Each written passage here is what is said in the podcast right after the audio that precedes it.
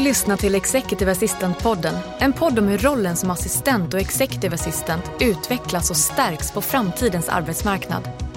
Podden produceras av Företagsuniversitetet i samarbete med nätverket IMA, International Management Assistance. Rekryteringsföretaget Inhouse, röst och ljudproducenterna Online Voices samt Nordic Choice Hotels.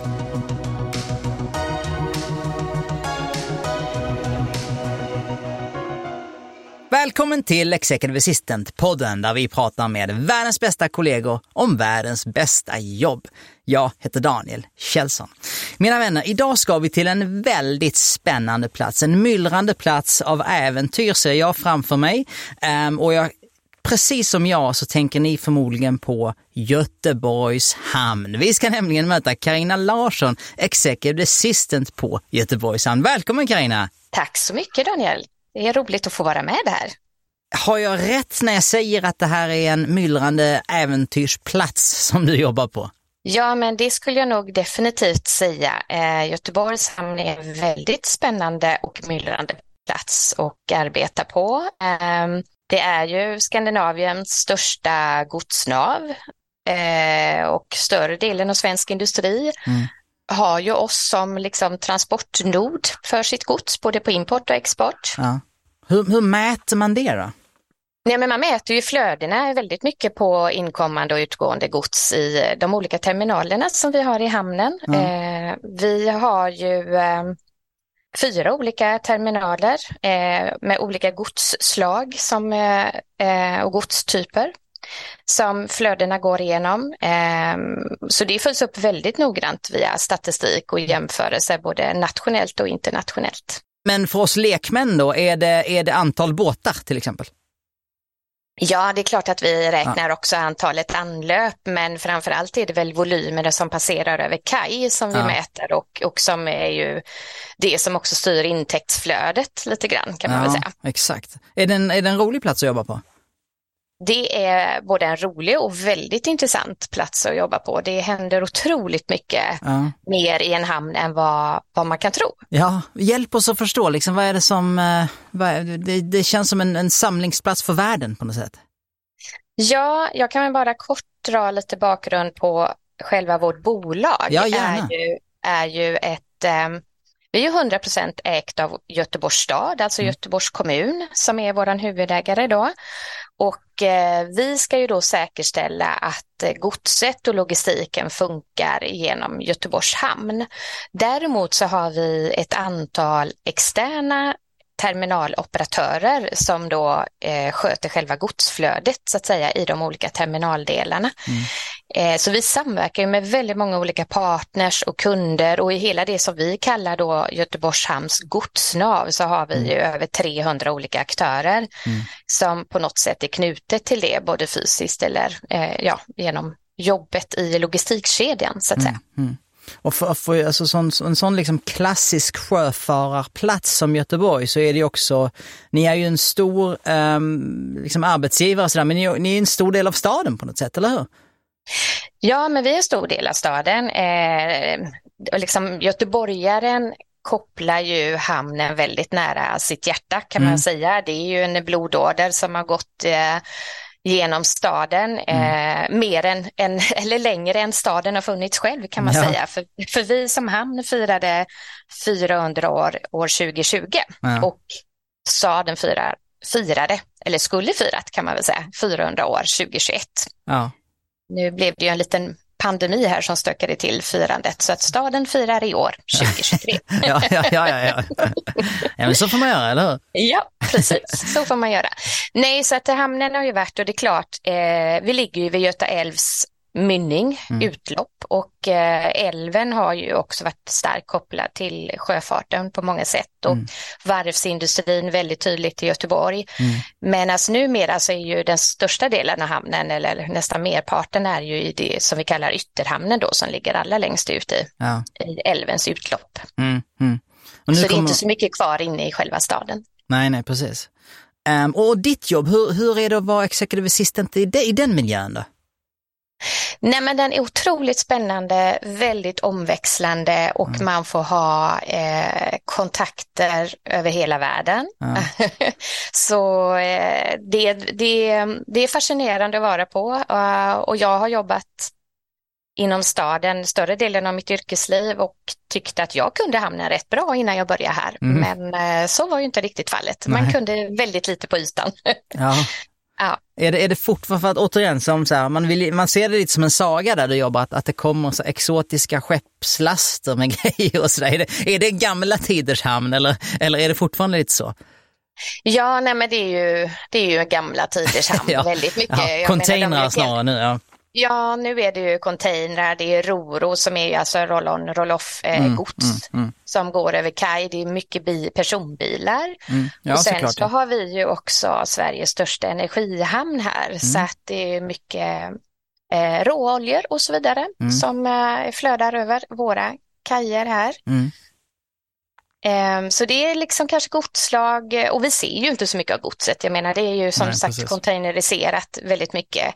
Eh, och förr gick ju båtarna hela vägen in i Frihamnen vid ja. Göta älvbron och lastade av bananer ja. och så vidare. Så det, då var det ju mycket mer påtagligt. Det var tidigare. Ja, precis. Ja. Men okej, okay, men vad spännande. Men om vi tittar på, om vi tittar på ditt jobb, så vad, vad tror du? Det finns ju såklart saker i din vardag som många av oss kollegor skulle känna igen oss i.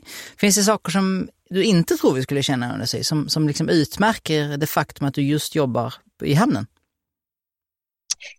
Nej, jag vet inte om det är så specifikt att det är hamnrelaterat i min vardag. Eh, det som kanske lägger en dimension på det är ju att man är eh, hundraprocentigt ägt av en kommun. Mm. Så att det är ju alltid kanske lite mer komplext att driva en affärsdrivet bolag ja. Eh, som är helägt av eh, det offentliga, så att säga, av kommunen. Eh, Ja, ni ska, ni ska tjäna det... alla lite på något sätt. Ja, men lite så. Mm. Eh, så att det, det, är mycket, det är mycket lagar och förordningar att förhålla sig till. Å ena sidan så är det aktiebolagslagen som styr, å andra mm. sidan så är det kommunallagen som styr och så är det rätt mycket att förhålla sig till det. Så det liksom lägger kanske en liten extra dimension på arbetet. Vi har ju liksom en politiskt uh, vald styrelse och så vidare och ledning och styrning är väldigt mycket inom vår stadshuskoncern mm. i staden och så vidare. Ja det lägger kanske en dimension på, på mitt arbete jämfört kanske med många andra som sitter i, och jobbar i näringslivet eller i affärsdrivande bolag. Ja, men det kan, det kan jag nog tro. Um, mm. Men du, vi, vi, vi, vi seglar ut lite och, och tar ett lite större perspektiv. Hur, ja. uh, hur, hur hamnade du här?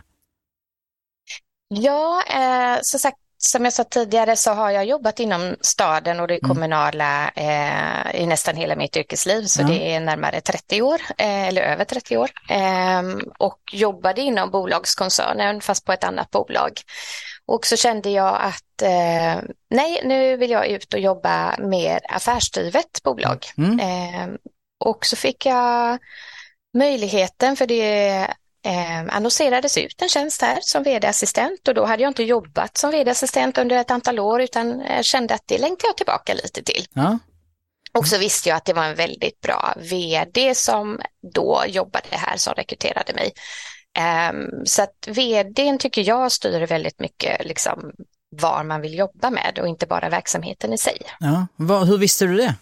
Att han var bra? Nej, men, var bra?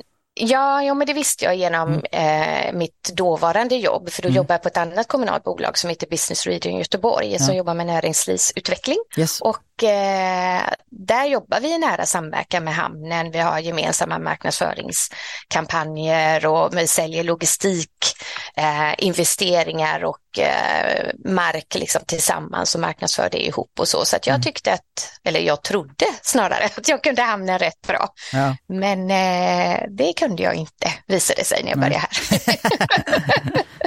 jag förstår. Ja. Men det, det, det, är intressant, så här, vad, vad i dig eller i ditt intresse eller i ditt driv liksom ville ha en mer affärsdriven vardag? Eh, det var nog att i den dåvarande verksamheten jag satt så var det ett icke vinstdrivande bolag. Man mm. jobbade väldigt mycket med att eh, bistå med, eh, skapa förutsättningar att och så vidare. Men det var väldigt svårt att se på själva resultatet.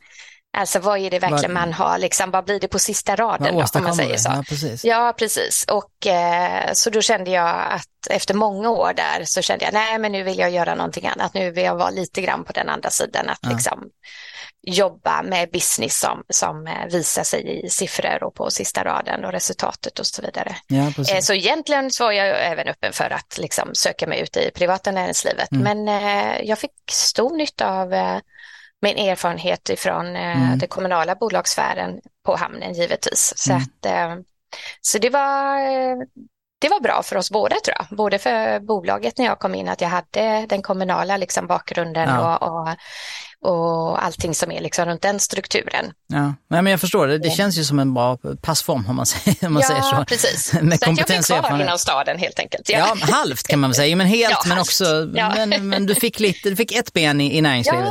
Ja, precis, precis. Eh, Men det, det är spännande att du, att du, att du såg liksom en, en bra vd eller en chef och sökte dig dit. Eh, Mm. Vad tror du, men hur skulle du beskriva ert samarbete idag? Ja, nu har jag eh, tyvärr då så, så slutade den vdn efter Mm. ett par år när jag hade jobbat här eh, och det tyckte jag var lite jobbigt faktiskt. Så jag Mm. Tänkte oj, oj, oj. Så är det i den här man- rollen, eller? Det är en omtumlande sak. Ja, det är ju inte faktiskt så självklart att man kanske eh, fungerar. Nu har jag haft väldigt tur och förmånen under hela mitt yrkesliv. Mm. väldigt bra chefer och vd att jobba med. Men det är ju inte självklart så att Nej, säga. Man nej. jobbar ju otroligt nära varandra och eh, eh, förutsätter jag i alla fall har en väldigt, väldigt tajt liksom, eh, relation när man jobbar ihop i, i de här funktionerna. Ja. Eh, så att det, det är klart att eh, det var lite omtumlande när man helt plötsligt kände att okej, nu kommer du in en ny vd här som man ska lära känna och samarbeta med och så vidare. Eh, och det gav jag, då gav jag faktiskt mig själv ett halvår. För jag tänker så här, funkar det inte efter ett halvår, då är det jag som får lämna. Ja. Liksom. Bra. Det låter väl väldigt rimligt?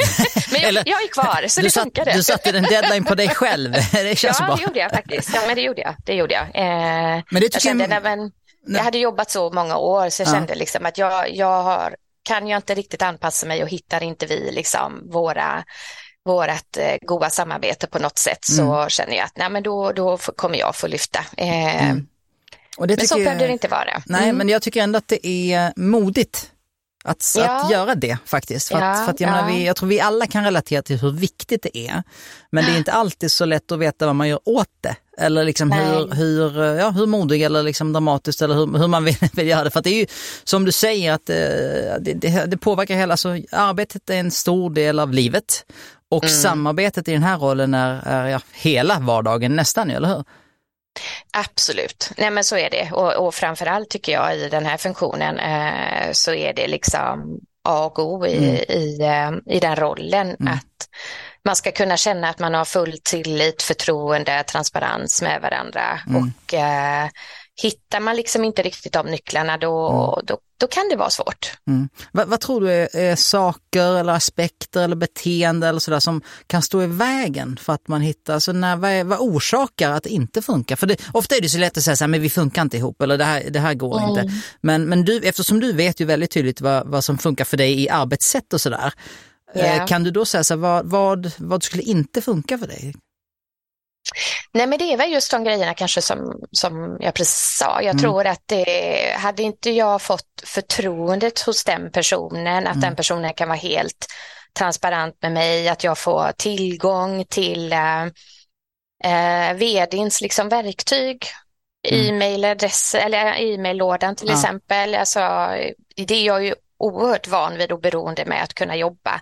Men alltså jag vet att det finns kollegor ute i näringslivet till mig som, som säger nej, jag har inte tillgång till, till vdns mejl och jag vet Mm. inte vad som händer där och, och då blir man ju utestängt till 90 procent Ja, lite numera lite i blind, ens vardag. ja. Liksom. Man blir väldigt blind och då Mm. blir det ju också väldigt svårt att att vara kanske det här filtret eller liksom vara den högra handen till Mm. vdn, att kunna avlasta den personen Mm. om du inte har tillgång till allting eller all information. Mm. Så det tycker jag är nyckeln Mm. eh, för att jag ska lyckas i mitt jobb. Det Mm. är att jag måste ha tillgång till all information. Mm, mm.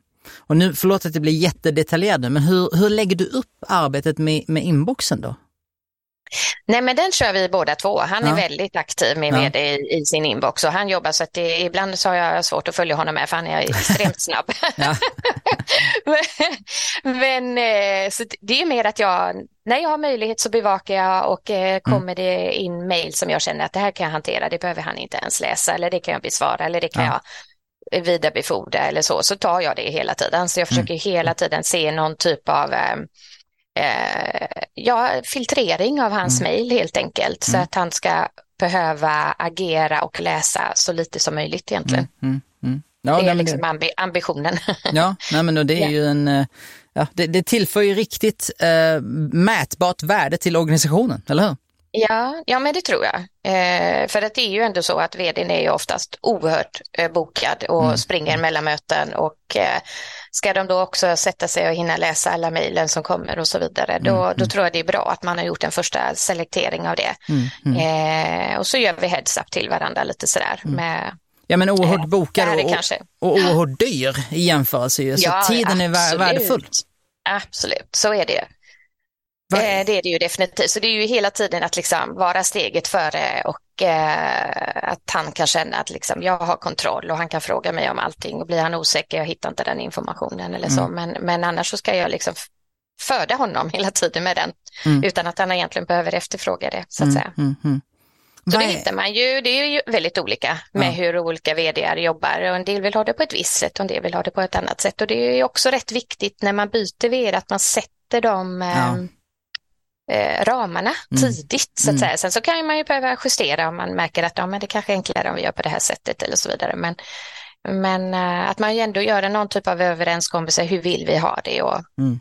Eh, vem tar vilket ansvar och så vidare. Mm. Ja, men jag, jag brukar ofta prata just om det här att man kan, man kan sitta på sin plats ibland och eh, alltså nu hittar jag bara på det här, men, men om, jag, om jag sitter ner och, och liksom svär att hon eller henne inte ser mig eller frågar om jag vill gå den här kursen eller om jag vill jobba på det där sättet. Men, men att man är så, så subjektiv i sin, egen, i sin egna värld.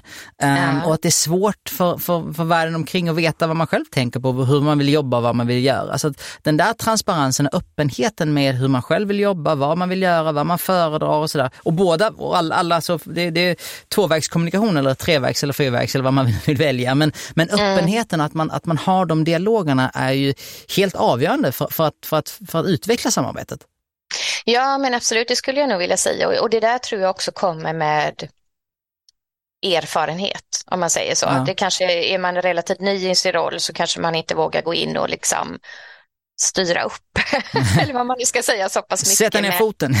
sätta ner foten eller vara tydlig eller man vill vara anpassningsbar och man vill vara liksom till lag så man vill Mm. anpassa sig och allt detta. Men, men eh, jag kände väl att jag hade då ett antal år liksom erfarenhet från både Mm. från verksamheten men framförallt rätt många års erfarenhet i den här funktionen och rollen. Ja. Eh, som, och det har man ju med sig liksom i ryggen, det ger ju en självförtroende också.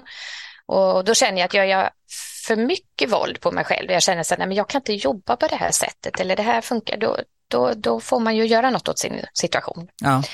Eh, och då är det kanske bättre att leta en annan arbetsplats. Mm, mm. Ja, nej men precis, det, det tror jag. Alltså det, ibland låter det så dramatiskt men det, det är också svårt att se någon annan utväg egentligen. Liksom. Så det är klart att man kan harva på och, och försöka men eh, samarbetet kommer att påverka din vardag. Eh, såklart. Ja, men så är det ju och det är precis som du sa tidigare med. Man är ändå, man jobbar 8-10 timmar om dagen tillsammans, liksom, eh, fem dagar i veckan.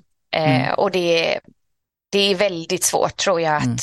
att över tid, om man inte trivs eller inte hittar liksom, den här balansen eh, som man behöver i sitt Mm. samarbete, Mm. Att orka vara kvar i den situationen. Eh, jag hade haft svårt för det, sen, sen Mm. är det säkert andra som är mer anpassningsbara än mig, men eh, jag tror, det är klart att är du på en arbetsplats som du trivs fantastiskt bra på i övrigt och det är en Mm. jätteintressant verksamhet och allt möjligt, det- då är klart då vill man ju inte lämna det i första hand, men eh, jag tror inte man heller ska vara jätterädd för en sån förändring om man känner att det inte funkar. nej, precis. Du, hur jobbar ni tillsammans under möten och sådär? Hur lägger ni upp det? Eh, ja, men Elvir kom in som vd så var han extremt inkluderande mm. eh, med mig, så han, tog, han drog med mig på allt mm. i stort sett. Han ville ha med mig på, på allt. På gott och ont. Ja, det är på gott och ont, för någonstans ska man ju även hinna sitta på sin Exakt. plats och jobba. men eh, så, så det vi hittar liksom en ehm, eh, hur ska jag säga, en form, eller han hittade en form som mm. han, kände, han kände sig trygg med också som ny vd och inte kunna verksamheten och framförallt inte de här dimensionerna eller skalen utanför själva hamnen och mm. logistikverksamheten för det kunde han ändå, han kom från den branschen mm. eh, inom logistiksektorn. Mm. Men, men de här skalen utanför, som hamn-vd så hamnar du i i en omvärld eh, som du kanske inte är van vid. Du ska mm. föra dig med eh, politiker, ja. med internationella perspektiv i olika nätverk med EU-kommission, med, mm. vi, jobbar, vi är ju skyddsobjekt, vi jobbar ju ja. jättemycket med försvar, militär, mm. äh, säkerhetsfrågor. Ähm, så det, det, blir så många nya dimensioner också om man inte har varit i den här världen tidigare. Ja. Eh, och där jag kunde hjälpa honom att introducera honom i olika sammanhang mm. och ge honom liksom lite tips och sådär. Mm. Tänk på det här och gör så här. Ja, men jag, det, det, ja, men det vågar jag nog säga att mm. han tycker att det har varit. Mm. Eh, och just att han, han har tagit med mig och han sagt så här, ja, nej, men jag och Karina vi tänker så här och jag och Karina mm. vi gör så där. Så att han, han har verkligen varit väldigt ja. bra på att inkludera mig. Ja. Eh, och det har också gjort att eh, jag har suttit med i ledningsgruppen som jag började här, men mm men mer kanske sett som administratören av ledningsgruppen medan mm. han var väldigt noga med, nej men Karina har en röst här, eh, jag lyssnar av henne lika mycket mm. som vad ni andra säger och så vidare. Så han har varit väldigt bra på att mm. eh, eh få med mig i olika sammanhang. Ja. Eh, och det tar tid givetvis ja. Ja, ja. Ifrån, från det övriga, men, men eh, det gör ju också att man får jobba så otroligt eh, integrerat i alla strategiska frågor. Ja, lyfter hela, alltså, ja. All, mm. inte allas cup of tea kanske, men jag menar, det, det låter fantastiskt tycker jag. Det lyfter alla hela, hela rollen. Alla kanske inte är, är bekväma i det givetvis mm. och eh, det kräver ju också att man, man eh, blir ju väldigt påläst på processer, projekt, investeringar. Det är liksom allt mm. man måste ner i för mm. att man också kan, ska kunna tycka någonting om det. Liksom. Mm. Ja, självklart. Och, och, det är precis mm. som du sa där, alltså all, alla arbetsplatser och all, alla mänskliga sammankomster har ju någon form av intern politik och sådär. Men det är som du mm. sa nyss, du, er, ni har ju ytterligare ett filter av, av politik om man säger så, i er, mm. nära er. Um, vad betyder lojalitet för dig? Oj, det betyder jättemycket mm. faktiskt. Det, ja, men det är väldigt, väldigt starkt eh, värdeord nästan för mig kan man ja. väl säga. För det, eh, jag har nog alltid sett en väldig lojalitet till den jag jobbar tillsammans med, även till kollegor, men framförallt min arbetsgivare. Mm. Det är ju faktiskt de som betalar min lön och mm. det är mm. faktiskt de jag ska utföra ett uppdrag för. Så eh, min arbetsgivare är jag alltid extremt lojal med och det är samma sak där. Skulle jag känna att jag börjar bli svajig i den lojaliteten av någon anledning, mm. då får man nog också börja tänka över sin situation. Mm. För den är ju så viktig, alltså man lägger ju så enormt mycket tid Herregud, på, på, sitt nej, arbete, på sitt arbete man, rent man vill nästan och, inte, och mentalt. Ja, man, man vill nästan inte se sammanställningen, eller hur? Menar, det, det, är illa nog att se sammanställningen av timmar på dygnet, men skulle man sen yeah. dessutom kunna mäta hur mycket man tänker på det, då... Yeah. Nej, det vill, den där excellen vill jag inte se. nej, men så är det ju väldigt mycket och just en sån här position, då är man också lite grann, eller den här rollen, ja. eh, det är ju, man är ju lite sådär 24-7. Ja, alltid i tjänst. Alltid i tjänst. Det är kvällar och det är helger och det är mm. semestrar och det är sjukdomar och det är liksom mm. vad det än är så, så är man ju eh, på något sätt alltid i tjänst ja. ändå. Ja, ja, ja. Hur, hur, hur funkar det för dig som, som person, alltså det med, med människan, Karina? Det här med att alltid vara på något sätt lite on och alltså, balansera det helt enkelt. Ja, men det har ändå funkat bra genom åren. Eh, och jag gjorde ju faktiskt ett val när jag började här på hamnen. Då hade mm. inte jag jobbat som vd-assistent under fyra, fem år kanske. Mm. Mm. Att liksom gå tillbaka ändå till den rollen, mm. fullt medveten om att den kräver ja. Eh, kanske mer av min så kallade fri, fritid då, ja. om man säger så. Att man alltid är liksom uppkopplad och tillgänglig och, och så vidare. Mm. Eh, och framförallt också om man jobbar i det som vi, vi är ju en offentlig verksamhet liksom. Mm. Mm. Och där har vi ju också krav på oss att man ska besöra inom x antal timmar, man ska vara tillgänglig, annars ska man delegera mm. vidare till någon annan som svarar åt en eller så vidare. Och det är inte alltid lätt i en vd-assistentroll, för ofta är man väldigt ensam mm. i den funktionen på ett bolag om man inte är storbolag då. Ja, precis. Ja. Men du, vad gör, vad, äh, det här är en lite konstig fråga tycker många ibland, men vad gör dig så bra på det här? Eh, ja, nu ska man komma på något bra svar på det. Ja, Nej, exakt. men alltså, jag vet inte, jag tror att det ligger i min personlighet. Jag mm. tror inte att det är någonting man bara Mm, hur ska jag säga, man gör ju det här yrkesvalet någonstans och det mm. tror jag också att det ligger i ens personlighet. Mm. Att eh, man, ge, man, man tycker om, man drivs av eh, jag drivs av i alla fall att mm. hjälpa andra människor och det kan man ju göra på många olika typer av sätt. Antingen gör man det inom vård och omsorg eller så gör man det typ den här rollen. Mm. Uh, jag gillar att vara den här lite gatekeepern, om man får kalla sig så, ja. i den rollen. Uh, jag, jag, tycker om att sitta i en, en, i en roll, i ett liksom, sammanhang där mm. man får till sig all, eh, det mesta av informationen. Man, är, mm. man, man får ett sånt helikopterperspektiv, ja. så kan man väl kalla det, ja, ja. På, en, på en verksamhet. Man, är, man är ju samtidigt mycket generalist för man kan väl, väldigt lite och väldigt mycket, så kan man väl säga. För man hinner liksom inte specialisera sig inom, och då pratar jag verksamheten, liksom, inom, om, inom sin egen verksamhet. Mm. Utan där ska man ju kunna lite och mycket mm. helt enkelt. Mm, mm, mm. äh, Ganska mycket väl... om väldigt mycket.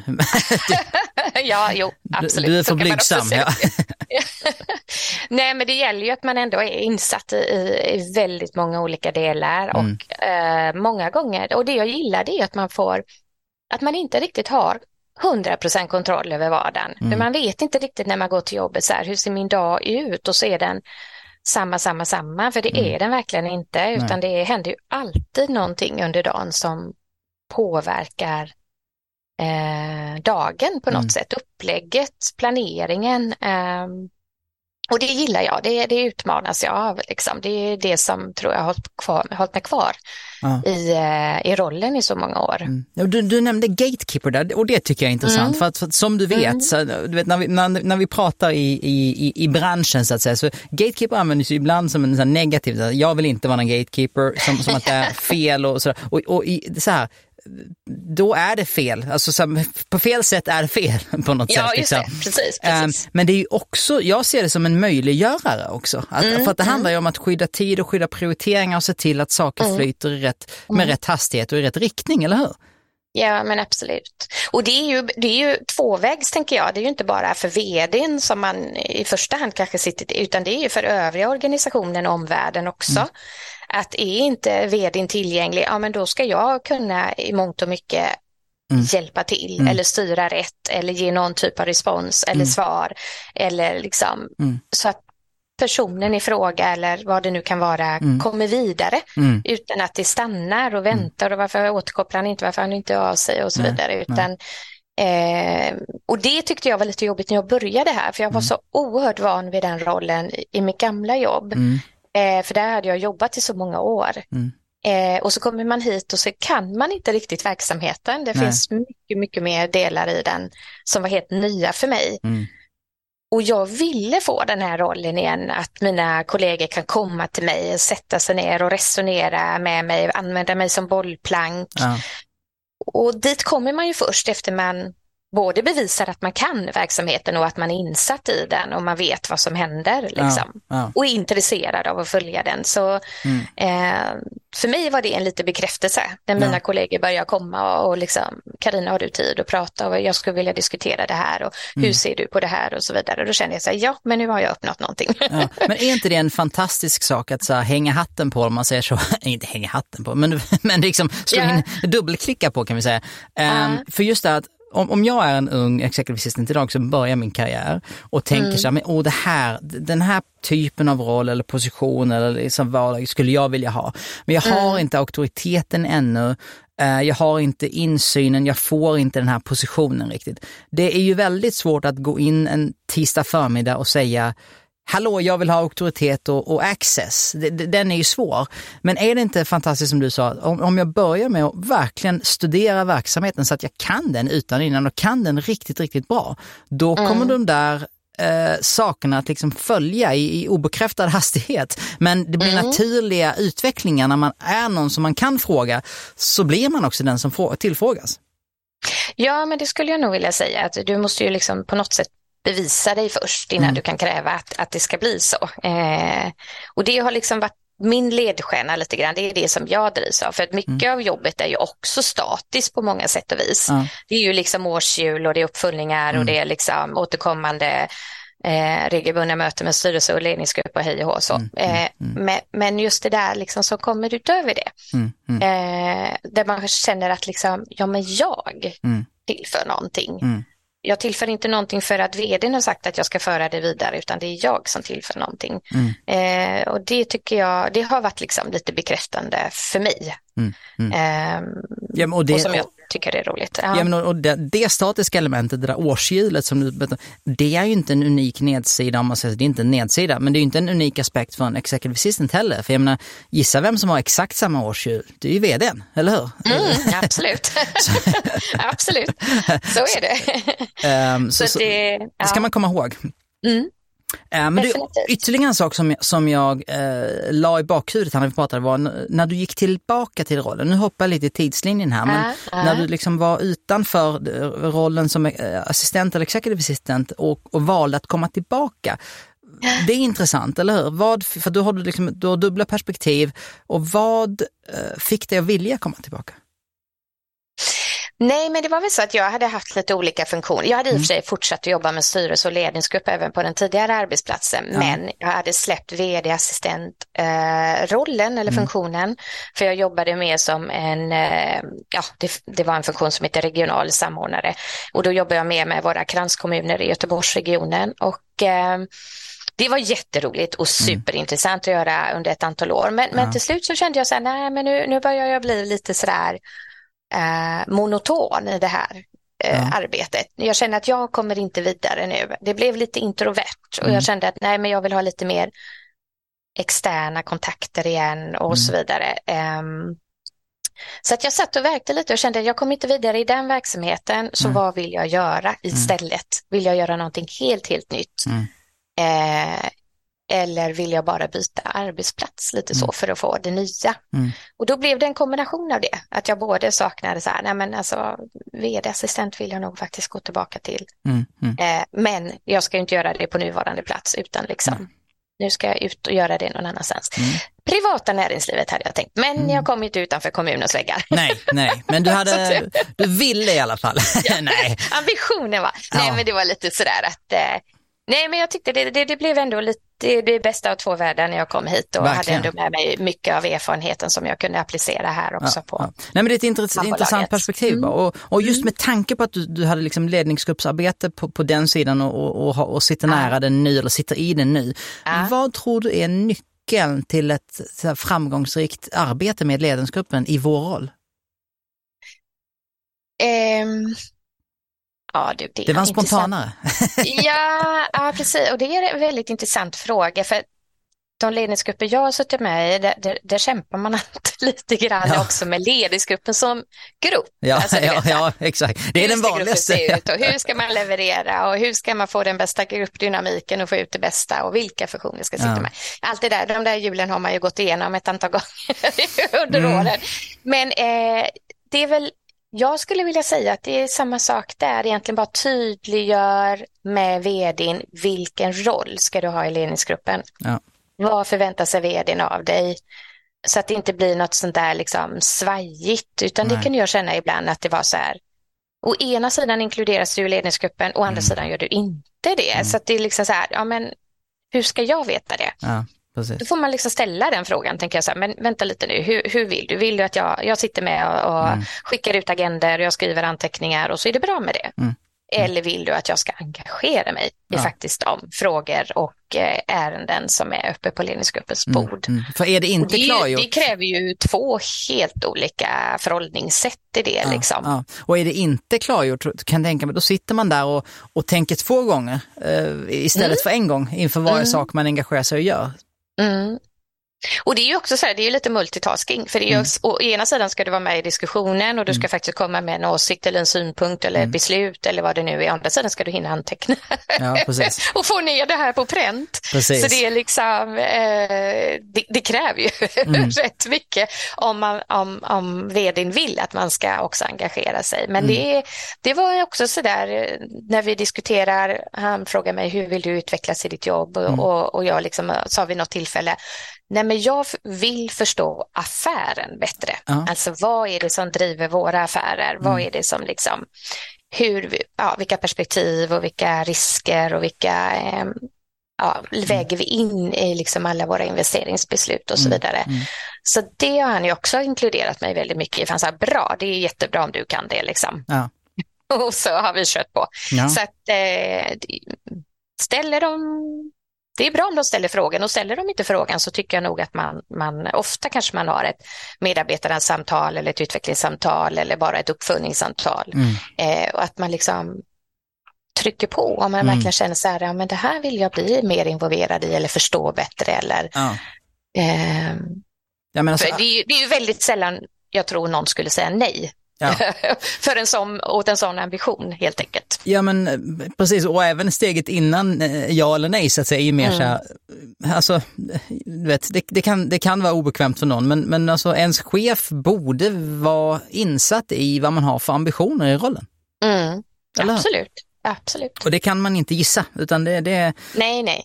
vill man massa saker så är det där första steget att rekommendera. Mm. Det, det kan aldrig gå fel. Det, man, kan få, kan, man kan nå eh, en viss bit på vägen, men så, som du säger, man, man lär inte få en dörr i ansiktet. Utan det är alltid en bra eh, dialog att ha.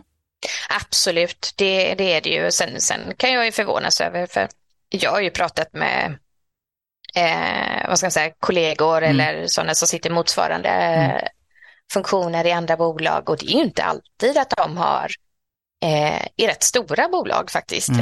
eh, har några återkommande samtal med sin chef. Nej. Alltså där man pratar om sig själv i sin roll och förväntningar och Mm. allt det där. Mm. Utan eh, det hörde jag som ja, häromveckan när jag träffade en, en kollega från ett, eller jag kallar dem kollegor, de är ju mina kollegor. Bra, branschkollegor? Eller vad, vad säger Nej, man? inte ens Nej, det, inte branschkollegor. är bara, Inga hamnkollegor? ja, i, i, nätver- i nätverk, i Ja. motsvarande funktioner Ja. att, att de inte har sådana samtal. Så Nej. jag tänker bara så här, men hur hur ska man kunna ha en dialog då? Nej. Om det ska vara utöver bara det dagliga jobbet så att säga. Nej, nej men alltså, det är svårt att stå här och säga vad folk ska göra, men har man inte det så, så hade jag gjort eh, ja, väldigt starkt engagerad i att få det att hända. Ja, men absolut. Mm. Jag håller med. Mm. Mm. Men du, vi nämnde eh, vid förbifarten att ligga steget före. Det är en sån där klassisk svensk term som man Mm. slänger sig med. Vad, vad, vad betyder det i din vardag? Och, och följdfråga, man ska aldrig ställa två frågor samtidigt, men jag gör det. vad, vad, vad betyder det i din vardag? Eh, och, och kan man träna sig i det? Eh, ja, men det tror jag absolut att man kan träna sig. Eh, jag tycker väl för min del så har det väldigt mycket med rutiner att göra. Mm. Att jag skapar mig rutiner där jag känner att jag har kontroll över eh, vad som händer tidsmässigt, en Mm. tid framöver. Mm. Så att jag kan liksom förbereda det hela tiden. Jag tycker inte om att vara ute i sista sekunden med saker Nej. och ting.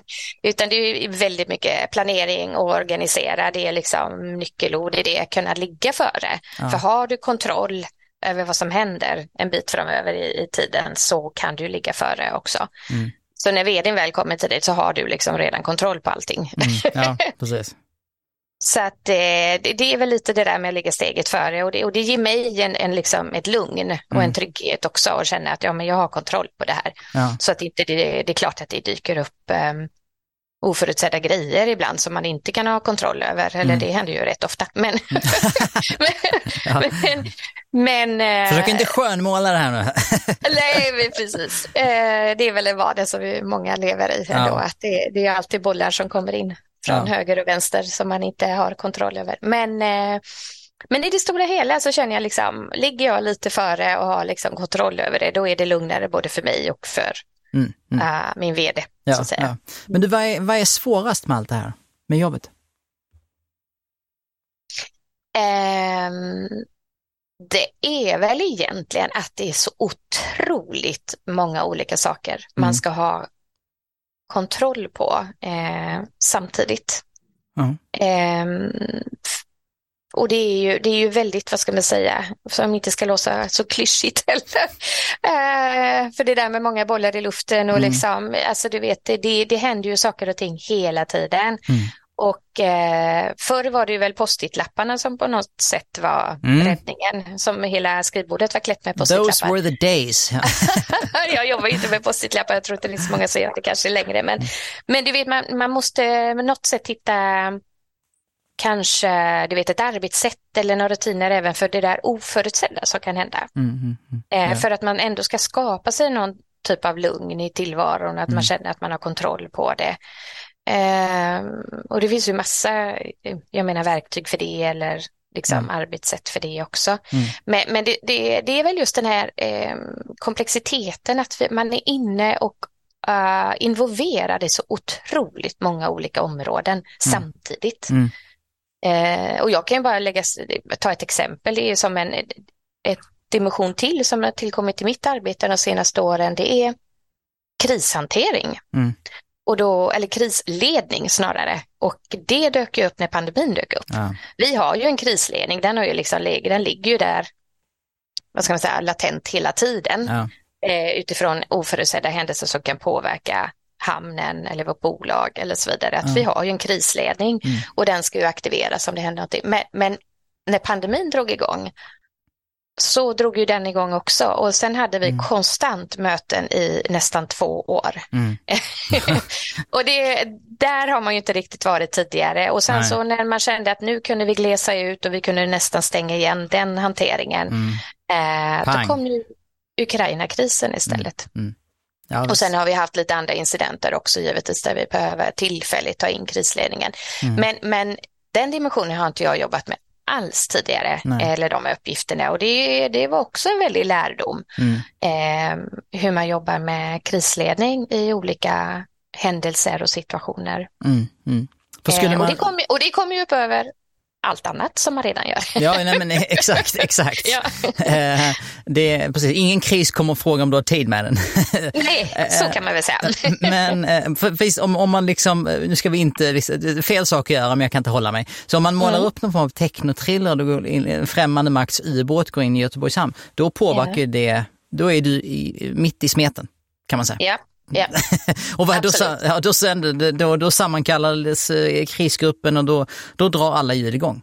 Ja, Nej, men vi har ju det. Alltså, vi är mm. ett skyddsobjekt, Göteborgs ja. hamn, med väldigt stark säkerhet. Ja. Eh, så att det, det, är klart, och, och, jag menar stannar hamnen, då stannar Sverige. Mm. Eh, så, så drastiskt är det. Mm. Vår energihamn, eh, skulle den stå stilla tre dagar mm. Så stannar bil, bilparken i Sverige. Eh, mm. om man inte går på el då, som mm. snart också kanske är en bristvara. Mm. Så... Verkar så. ja, eh, så det får ju sån enorm påverkan. Så att även om vårt bolag som är 100 60-70 anställda numera mm. inte är så stort mm. egentligen, så är mm. ju vårt ansvar så enormt mycket större. Ja. Ja. Eh, och det som, eh, så det, det, har en enorm påverkan, så ja, är det ju bara. Och det, och det, var ju hela tiden vår ambition under pandemin också. Vi måste hålla godsnavet öppet, det ska vara öppet, hamnen ska vara öppen, hur mm. gör vi det? Dialogen med våra terminaloperatörer och så vidare, hur är de påverkade? Mm. Vad kan vi hjälpa till med och så vidare. Mm. Så att eh, nej, det, det, det var mycket mm, arbete mm, där ett tag. ja, ja, ja, precis. Ja. Eh, nej, men, och jag tror, eh, det är lite lugnare, men alltså, en sån, sån plats som du är på, och det är ju dess mm. charm också, den blir väl aldrig lugn egentligen, eller hur? Nej, och det ska den ju inte bli. Nej, nej precis. per definition så vill vi inte att Göteborgs hamn ska vara lugn. nej, nej, absolut. Och vi jagar ju liksom, även om det inte är vi som, hur ska jag säga, skriver avtalen med den eh, en kund, alltså Mm. en, en varu som ska ut sina varor Mm. via Göteborgs hamn. Det är ju våra terminaloperatörer som har Mm. den kunden. Eh, så är det ju ändå vi som är ute och, och marknadsför hamnen och hittar bra logistiklösningar, ser till att vi har ett eh, värdeerbjudande som är eh, kostnadsmässigt, eh, Mm. konkurrensmässigt med övriga hamnar, både Mm. i Sverige och internationellt.